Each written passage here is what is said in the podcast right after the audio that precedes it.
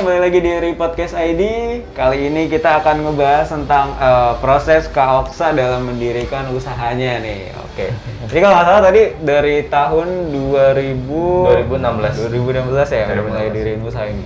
Itu gimana tuh eh, awal kali atau kepikiran untuk ngediriin perusahaan sendiri itu gimana? Eh, cita-citanya anak arsitek pada saat awal masuk kuliah tuh pasti begitu semua tuh apa pengen punya satu perusahaan gitu kan Hmm. tapi endingnya kan nanti seleksi Ya, alam beda ya sih. seleksi Beda, alam beda gitu sih. kan cuma mungkin gue kekeh sama pendirian itu aja jadi akhirnya jalan aja terus semua semua ininya gitu kan step by stepnya Eh, ya karena memang dari dulu gue juga bukan dari orang yang berada kan maksudnya Hmm. nggak punya sampai gue itu 2017 sampai handle project di Solo 3000 meter itu gue nggak punya laptop.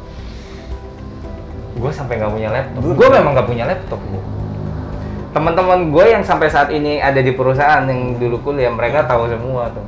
Jadi gue tuh mau ngerjain tugas atau ngerjain project Ah. itu nunggu temen gue Selesai. selesai. Jam 2 jam 3 pagi mereka udah pada tepar laptopnya gue lanjutin. Makanya senjatanya gue cuma flash disk doang gitu. Colok sini woi pinjam ya bro. Gitu gitu kan. Tepar. Dia mau pakai lagi sa gue mau pakai gitu. Gue cari laptop yang masih free lagi. Gue ini lagi. Sampai gue semester berapa ya? Sampai semester Iya. 5 gue baru beli laptop karena gue baru bisa ngumpulin duit. Kayak gitu. Gue nggak punya laptop bro. Bener-bener gue nggak punya nggak punya laptop. Eh, kayak ada teman gue yang sekarang itu kayak Farhan gitu kan Dwika si Wahyu mereka yang tahu gue dari kuliah tuh bener-bener malah mereka duluan yang punya laptop gue nggak punya. Tapi mereka sekarang under gue gitu kan.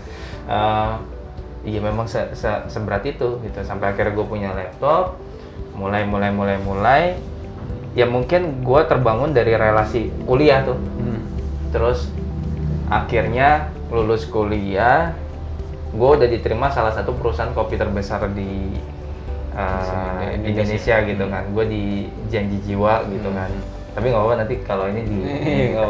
Nah, terus apa namanya? Sensor uh, gue akhirnya kerja di situ dulu tuh. Kerja di situ dulu uh, jadi gini gue pada saat lulus kuliah tuh gue ditawarin tiga tempat kerja sih di brand-brand besar juga. Ada yang gajinya 8 juta 9 juta 7 juta. Itu di bagian arsiteknya ya maksudnya? di bagian arsiteknya dan gue pilih salah satu perusahaan yang uh, pada saat itu masih ngerintis Hmm. janji jiwa tuh masih ngerintis uh, 2019 dengan gajinya setengahnya dari yang lain cuma 4 juta tapi di situ gue ngelihat bahwa gue bisa berkembang di perusahaan itu karena uh, kedudukan kita dengan owner itu dekat Hmm, tapi kalau di tempat iya. yang lain tempat Iya, yang ada- lain ada gap-gap tersendiri ya. Iya, ad- jauh kan. Dan yang harus kita tahu bahwa sekarang itu gaji tinggi itu nggak nggak ngejamin. Kenapa? Karena sekarang perusahaan juga pintar. Kerjaan orang lima yang harusnya dia bayar 30 juta, dia mending bayar orang satu jadi 10 juta gitu. Oh iya benar. Iya nggak sih? Iya benar-benar. Iya 10 juta bagi kita besar gitu, Iya, tapi benar. buat si perusahaan itu weh lu tapi itu kerjaan lima orang gitu kan. Endingnya under pressure juga gitu kan. Iya. Kadang orang masih terjebak sama itu, tapi dia nggak melihat prospek di perusahaan itu untuk dia itu apa gitu. Hmm. Ya itu balik lagi kayaknya kita kalau mau- memulai sesuatu tuh jangan ngeliat angka atau nominal uang sih.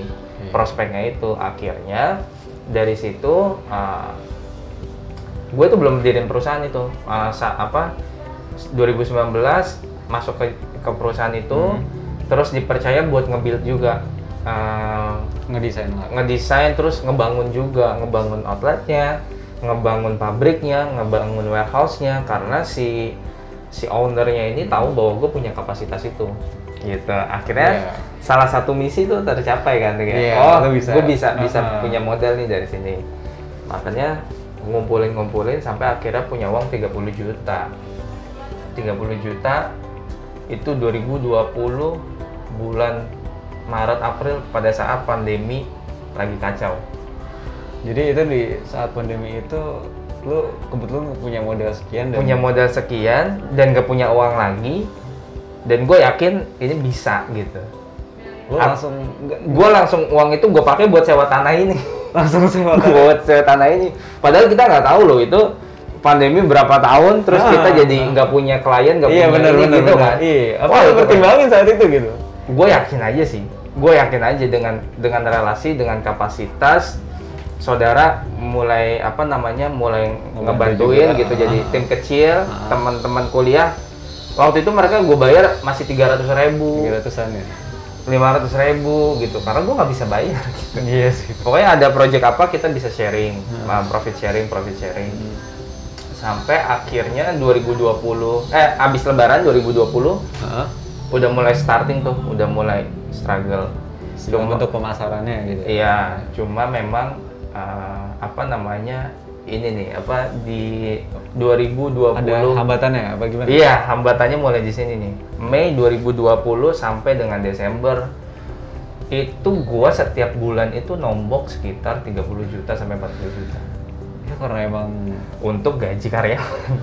karena emang waktu itu nggak ada project ya apa gimana Eh, satu ya sepi, ya kan. Yang kedua eh, kita udah punya karyawan, Iya. walaupun at least cuma 5, 4 gitu kan. Iya, benar. Tapi satu bulan kurang lebih sama operasional masih 30 iya juta. betul makanya gue masih di perusahaan yang itu jadi gue berdiri di dua kaki kan gue punya perusahaan oh sendiri jadi lu oh iya iya, gitu ngerti, terus gue di perusahaan itu juga Ah. sebenarnya untuk nge-backup karena gue Iya. tahu bahwa ini bakal ada struggle nih gitu Uh, masih terus dipercayain project-project di luar gitu dari dari perusahaan gue yang satu ini. Hmm. nah itu untuk subsidi ke yang sini gitu kan oh jadi gaji lu itu buat benar semua. Jadi gue Bisa. dapat gaji berapa langsung timpahin di sini. Gaji berapa itu sampai dengan Desember. Ya hitung aja kalau satu bulan 3 sampai 40 juta dari bulan apa namanya dari bulan 5 ke bulan 12 berarti 7, 7 bulan kan?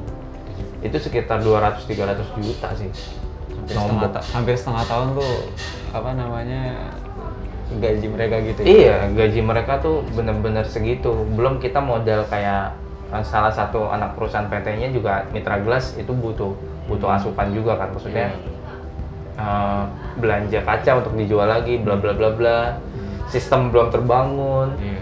orangnya masih belum ada, orang kepercayaan kita masih kerja sama orang lain karena Iya. kita- kebutuhannya mereka kan. Di sini mereka nggak bisa nggak bisa dapat gaji Iya, tinggi gitu kan. Udah itu terus aja sampai sampai ratusan juta sih sampai tiga ratusan sih. Tapi gue memang udah nge-backup itu. Maksudnya gue udah udah udah terfikirkan bahwa hal itu akan terjadi. Makanya gue masih stay di Di sini. di itu gitu. Iya, gue cara mungkin kalau orang kenapa lu nggak keluar gitu? Mungkin itu salah satu cara gue untuk bisa menutupi itu yang terbaik itu gitu kan ketika gue keluar dari perusahaan ini dan membangun perusahaan gue sendiri tanpa support apa pun gue yakin gue juga kejerumus apa Iya, pasti jerumus juga. dalam Ah, itu gitu kan karena nggak ada yang nge-backup Iya. tapi gue stay di perusahaan yang satu tuh karena gue digaji setiap bulan juga Iya. mungkin ada proyek kecil-kecilan juga itu yang bisa nge-backup di sini gitu kan Tapi itu kayak pasti nguras ini lu banget ya, iya, energi lu banget ya. Karena udah lu punya ngejalan usaha sendiri, terus Iya. untuk mencukupi usaha lu sendiri itu mau nggak mau lu harus punya Benar, ah, itu udah usaha tenaga, sendiri. pikiran, uh, uang, sampai akhirnya mau di akhir-akhir tahun itu salah satu tim gua itu Mhm. uh, Akhir yang tahun salah satu- 2020. dua- 2020 kayak yang dulu tim di kampus Iya. gitu kan, Hmm. tim-tim kampus lah, itu satu persatu mulai jadi karyawan tetap di sini. Udah ya, gue bayar segini gitu. Ya udah sah nggak apa-apa. Bla bla bla bla bla bla. Akhirnya sistem tuh udah mulai terbangun gitu Pelan-pelan ya. pelan-pelan November Desember wah eh, minusnya semakin sedikit gitu kan baru di awal 2021 Mhm. gue mulai bisa digaji sama perusahaan gue sendiri Udah Gitu. mulai ada profit terus nih. udah mulai ada profit Iya, udah kan. akhirnya udah keluar dari zona hitam tuh maksudnya eh, ya itu hambatannya benar-benar kacau sih gue kalau mau ini ya udah gitu tapi punya masih punya kepercayaan masih punya kekuatan masih punya bisa berpikir gitu Hmm. akhirnya ya itu mulai 2021 Januari gue punya finance sendiri yang endingnya mereka ngaturin keuangan Hmm. perusahaan mulai dari situ gue udah digaji jadi gue di perusahaan gue juga, juga digaji memang secara aset itu punya gue semua Iya. tapi kan kita berpikir maintenance ke depannya Hmm. Kita harus punya sistem buat jalan itu.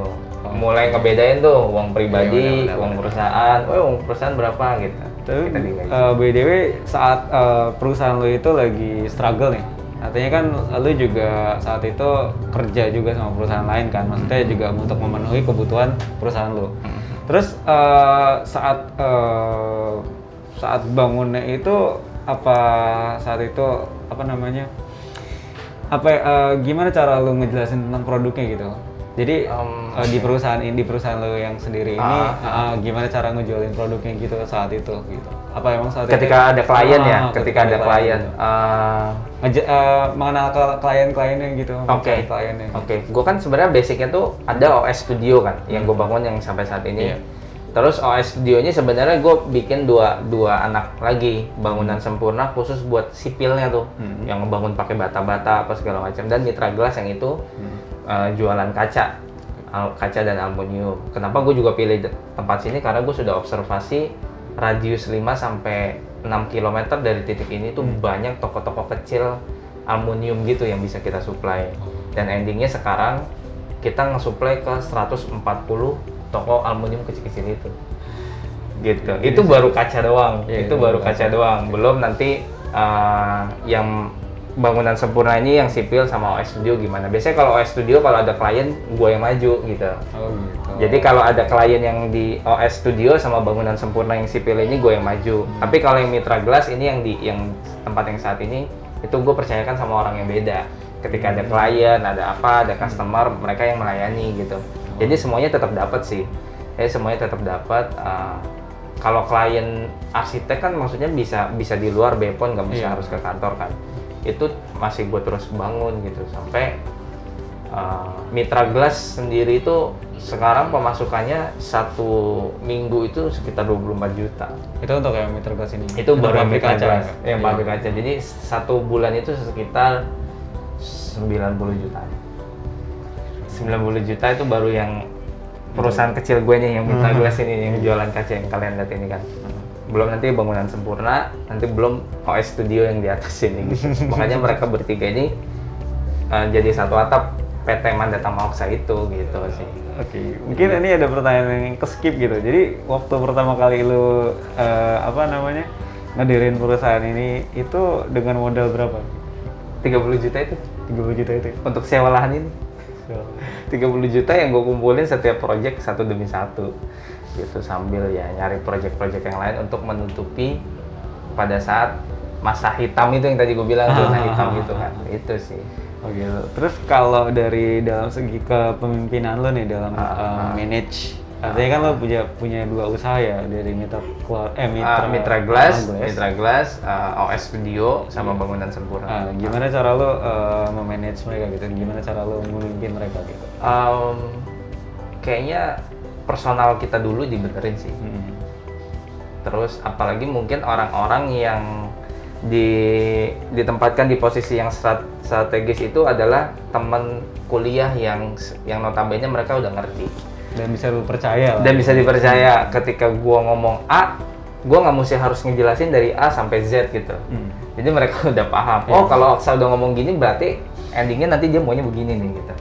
Jadi eh, sedikit waktu di sini gue cuma sampaikan beberapa clue-nya, mereka bisa jalan sendiri. Mereka bisa jalan sendiri. Nanti ketika ada salah baru kita eh, ini kan ini kenapa kayak gini gini karena nggak harusnya nggak gini harusnya nggak gini udah kayak gitu terus aja kayak gitu sampai akhirnya kita ya mungkin sampai saat ini masih ngebangun sistem kan. Hmm. kita masih ngebangun sistem Berarti hitungannya ini udah setahun ya? udah setahun Setahun ya? Ah, Untuk iya, kayak- setahun, iya, setahun. udah setahun. Setahun tujuh bulan terakhir, eh 7 sampai 8 bulan terakhir zona hitam. Hmm. Terus 3 4 bulannya itu udah udah mulai ini sih dan mulai ya Ya, Pelan-pelan dari lah. kalau menurut gue sih dari sekian banyak eh, apa ya, saat lo apa di kuliah ini eh, di, di saat lo waktu kuliah dulu kan artinya saat itu emang keadaan lo eh, waktu itu lo nggak seberuntung dari orang-orang yang lain gitu maksudnya Iya, betul. ya yang berkecukupan gitu dan dalam arti eh, ya mereka apa namanya punya kebutuhan yang harus dipenuhi gitu Ya, lo ya, ngebagi waktu lo Ya, lo ya, ngebagi ya. ngebagi tenaga lo ya ya. sampai sekarang eh, lu itu udah punya perusahaan sendiri gitu kan Ya. sampai udah berjalan setahun ini gitu apa sih apa sih apa namanya kira-kira apa yang menjadi motivasi lo ngejalanin ini semua gitu apa maksudnya ya semua orang mungkin punya potensi Iya, punya iya, potensi kan pasti iya, semua iya. orang punya potensi gitu Tapi kadang eh, ya bisa nggak sih gua anggap ini lu tuh beruntung atau gimana? Oh, oke. Bener sih, memang semua orang tuh kan punya potensi, Ah. tapi nggak semua orang juga punya arah. itu jadi eh iya potensi dia pinter bla bla bla bla bla. Bahkan temen gue juga banyak yang pinter tapi endingnya mereka eh, apa namanya nggak nggak nggak pada jalurnya gitu Hmm. kan. Eh, malah justru yang nggak kita bayangkan gitu. Ya itu mungkin banyak orang berpotensi banyak orang yang pinter Hmm. tapi mereka nggak punya arah. Tapi orang yang biasa aja mereka punya arah. Itu malah yang bahaya tuh.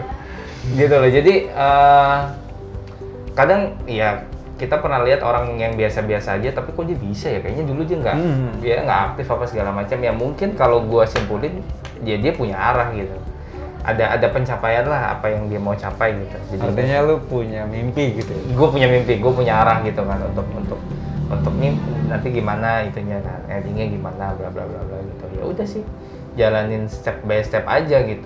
Kayaknya menurut gue nggak halangan loh, gue selagi selagi kita lengkap uh, semuanya gitu kan.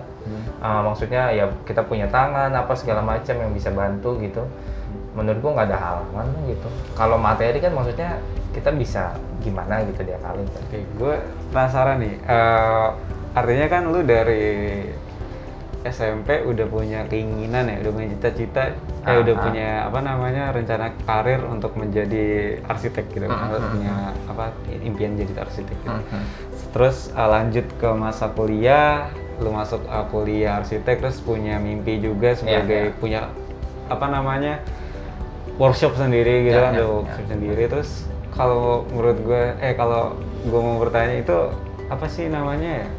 Apa sih yang ngebuat lu konsisten gitu sejauh ini? Maksudnya Um, artinya kan itu mimpi yang bertahap-tahap kayak mungkin dari SD kayak gue dulu pengen banget jadi pemadam kebakaran. Oh, SMP iya, mulai iya, beralih iya, lagi, iya, iya, eh iya, SMA iya, udah iya, mulai beralih iya, lagi.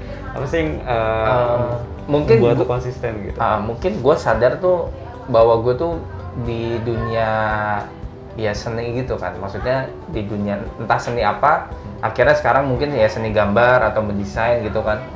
Terus sempat musik juga. Dan kenapa gue di arsitek? Karena bokap gue kan basicnya tukang. Bokap gue basicnya tukang. Terus waktu kecil tuh gue sering ikut ke kerjanya dia digoncengin pakai sepeda, digoncengin pakai motor gitu kan. Ke kerjanya dia ngebangun apa, terus gue lihat, oh ada mobil molen, gue hitungin nih molennya oh, ada 9 molen yang masuk gitu Iya. kan, bantuin eh, apa di bedeng gitu kan, bedeng Ah, apa iya. namanya tukang-tukang. Ah, mungkin itu ya itu masa kecil itu yang nge- yang mungkin ngebangun gue juga bahwa gue pengen jadi pengen jadi yang nanti terlibat dalam Arsitek. ini nih Ah, gitu. iya, gue iya. taunya itu ya terlibat dalam ini gitu. Setelah ke sini SD, SMP, oh ya ternyata itu arsitek gitu. Oh ini, ini, ini ya yang ya udah mungkin berawal dari situ yang membuat kekonsistenannya karena gue prihatin sama keluarga gitu bahwa memang harus bisa gitu. Entah min, yang min, cukup dulu deh yang penting cukup dan maksudnya eh apa ya cukup dan jelas gitu. Kita bisa dapat uangnya jelas supaya nanti secara kehidupan ini nggak nggak ada yang dikhawatirin gitu kan. Cuma itu aja sih sebenarnya. Sesimpel itu. Kalau kayak bikin perusahaan apa segala macem sampai kuliah pun sebenarnya antara iya atau enggak gitu. Cuma jalanin aja udah. Oh kita punya relasi kita punya ini jalanin jalanin. Dari awal cuma sendiri berdua bertiga berlima sampai sekarang ada 20 orang. Gitu kan. Jadi ya udah akhirnya ya itu jadi ini sih Terus berarti kan artinya dalam arti di sini kan eh se- seenggaknya mimpi lu udah kecapai lah.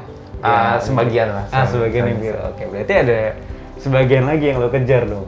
banyak bagian bukan sebagian lagi tapi banyak bagian gitu kan karena banyak yang bisa kita Ah. ekspor kan Ah. Ah, entah kita juga punya keinginan Iya.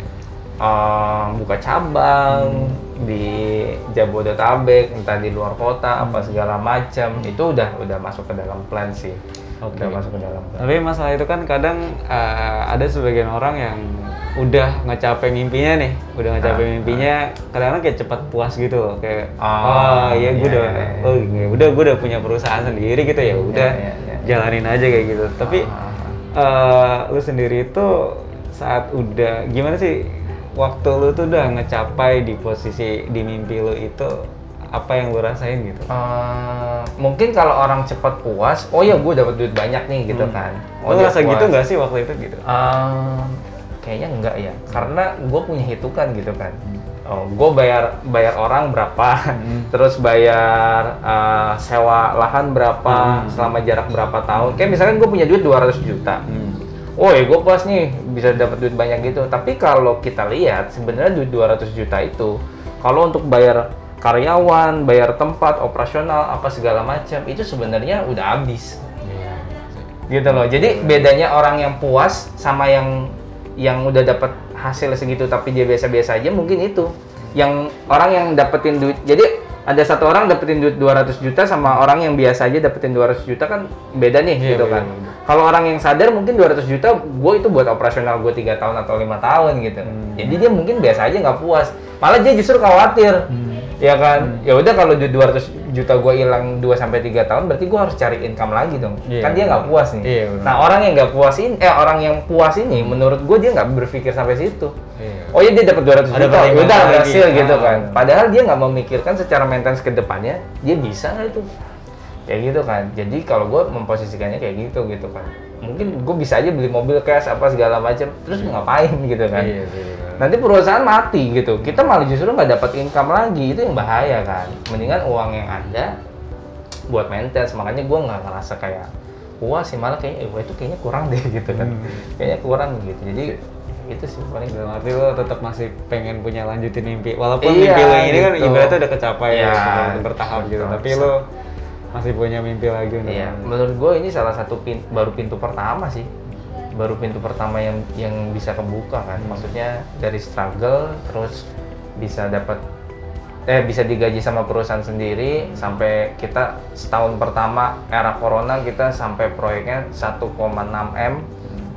Eh, jadi setahunnya kita itu kemarin kita kalkulasi sekitar 1,6 m. Hmm. Eh, itu bukan sesuatu hal yang gampang gitu kan jadinya eh, ya itu sih. Menurut gua semua punya hitungan ya.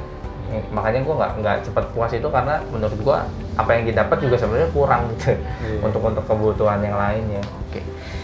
Oke, jadi em, kalau untuk dari tantangan usahanya sendiri gitu, tantangan saat eh, di lika-liku apa namanya perusahaan ini itu selain dari eh di waktu itu kalau nggak salah tantangannya itu yang di masa-masa apa black itu ya apa namanya masa-masa sulitnya itu ya? Masa-masa, iya, Nah, masa gitu. sulitnya itu saat itu eh, lo ngalamin krisis lah ibaratnya ya? Krisis banget. krisis tersendiri Krisis banget. apalagi waktu angkatan corona lagi aduh gitu. udah angkatan corona bangun usaha yang makanya gue selalu apresiasi sama mereka yang bisa bertahan tuh pada saat corona itu benar-benar benar-benar begitu sih bagus lah mereka bisa bisa ini Jadi waktu itu kalau eh, sedikit tentang tantangan, eh, cara lu menghadapi tantangannya itu gimana tuh? cara ngadapin eh, ya itu ya paling gue punya plan terus eh, mengukur seberapa power yang kita punya Hmm. terus eh, mengukur seberapa tahan kita dengan situasi itu Eh, kita tahu nih 3 sampai 4 bulan ke depan kita masih sanggup atau enggak gitu kan kalau nggak sanggup berarti banyak yang kita kejar nih di saat ini gitu kan. Harus saat ini jangan jangan nanti karena nanti umur yang lima bulannya nggak nggak kecapai lagi gitu kan. Jadi mungkin caranya lebih ke situ sih lebih ke mapping sih. Lebih nge- nge-mapping dari plan yang kita punya dan hitungannya jangan meleset. Meleset boleh cuma jangan terlalu signifikan gitu. Hmm. jadi eh, mungkin caranya lebih ke situ sih. Terus kalau dari sekian banyak nih eh, tentang se- eh, cara lu mulai dari awal gitu, mulai ngerintis pengalaman lu di bidang arsitek, terus eh, mulai apa namanya belajar dari eh, banyak hal dari be- beberapa pengalaman gitu kan. Kira-kira eh, mungkin ini yang bakal kita tanya nanti ya, kita bakal tanya nanti gimana sih eh, caranya jadi diri lu gitu. Ah. Wah, gimana maksudnya pasti kan orang-orang eh, pengen kan di usia mudanya udah Ya, ya. sukses, udah punya perusahaan sendiri gitu. Jadi nanti kita akan ngebahas eh, apa namanya ya how to be like you gitu. Maksudnya, maksudnya apa sih yang bisa diambil gitu dari lo gitu. Oke. Oke, jadi jangan ke mana-mana, tetap di Repodcast ID.